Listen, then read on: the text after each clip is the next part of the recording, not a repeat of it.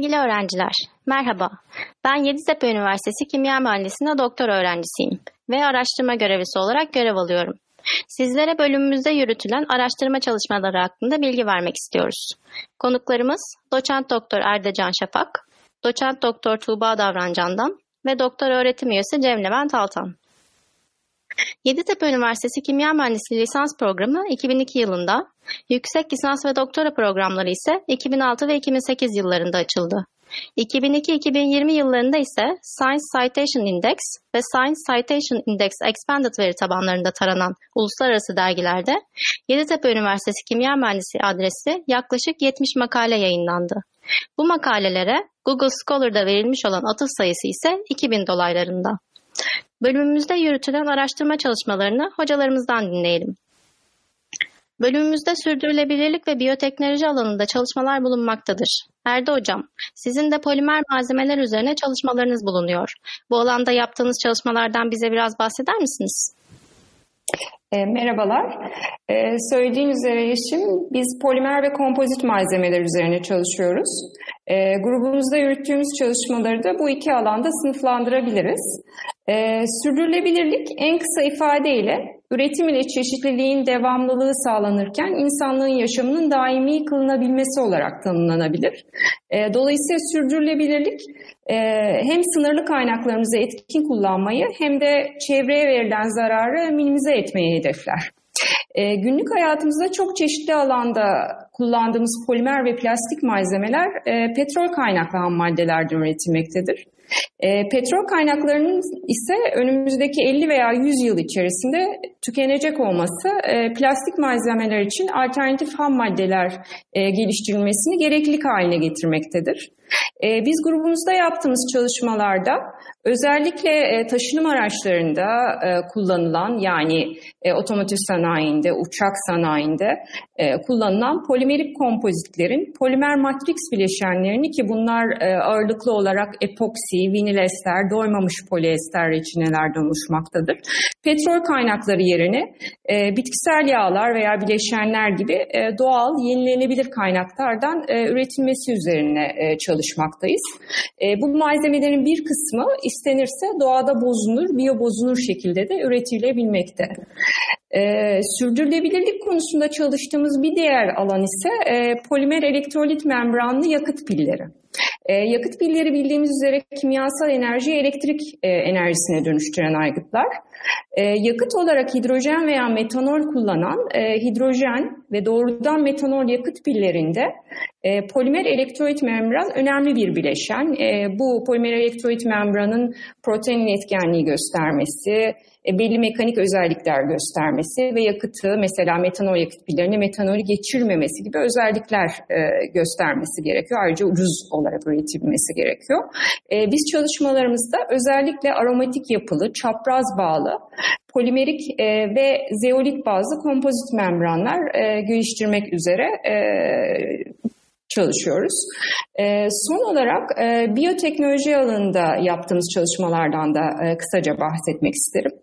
E, bu kapsamda kemik doku mühendisliğinde iskelet olarak kullanılabilecek biyo bozunur, biyo uyumlu e, doymamış polyester bazlı polimer malzemeler e, ve bunların e, kalsiyum fosfat gibi inorganik katkılı e, kompozitlerini geliştiriyoruz.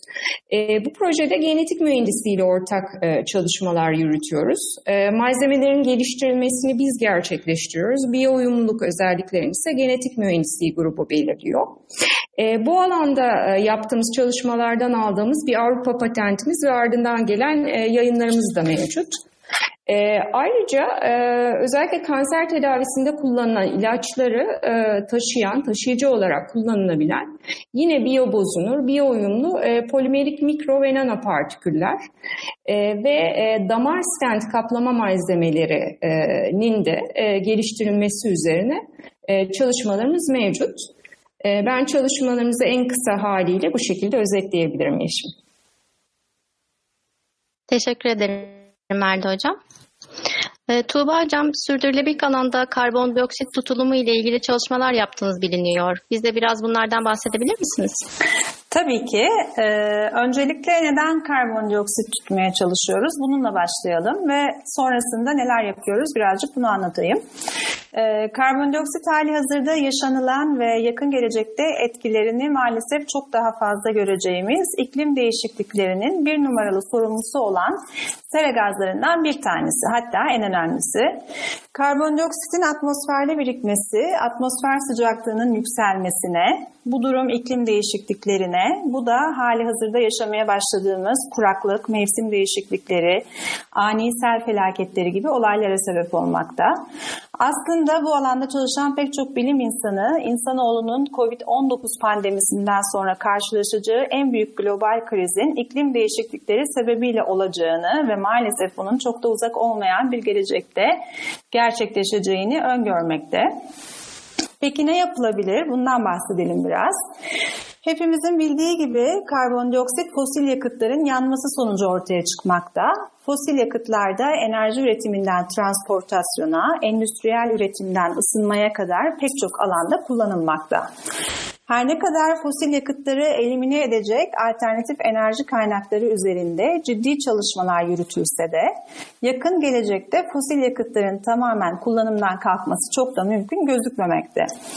O zaman atmosferde daha fazla karbondioksit birikmesini önlemek için karbondioksiti en fazla üretilen noktalarda atmosfere salınmadan önce yakalayıp sonrasında uygun jeolojik formasyonlarda uzun süreli depolayabiliriz.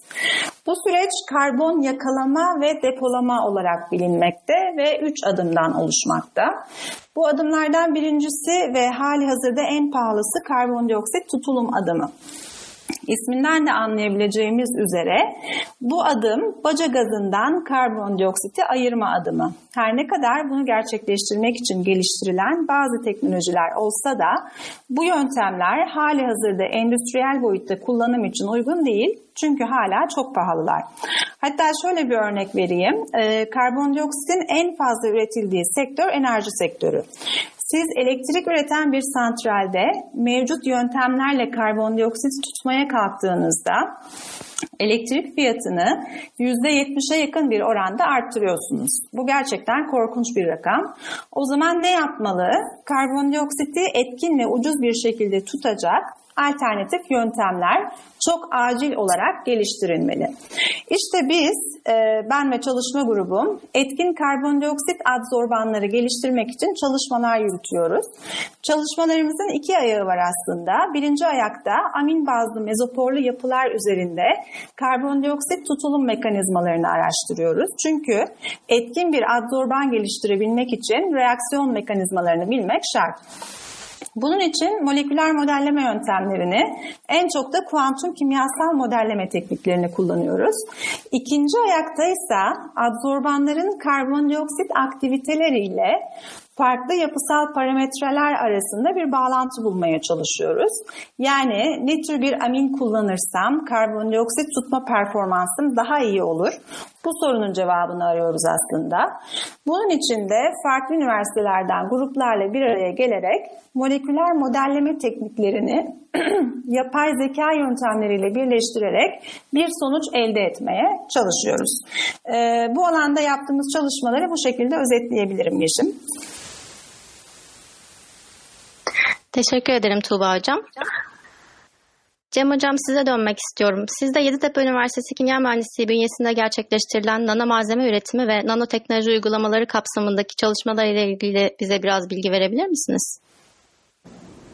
Tabii ki yapılan çalışmaları kısaca özetlemeye çalışayım. Ee, öncelikle nanoteknoloji vizyonunun ortaya çıkmasının ve e, ileri karakterizasyon görüntüleme tekniklerinin geliştirilmesiyle birlikte bu alanda yürütülen çalışmaların her yıl üzerine koyarak artış gösterdiği bilinmekte.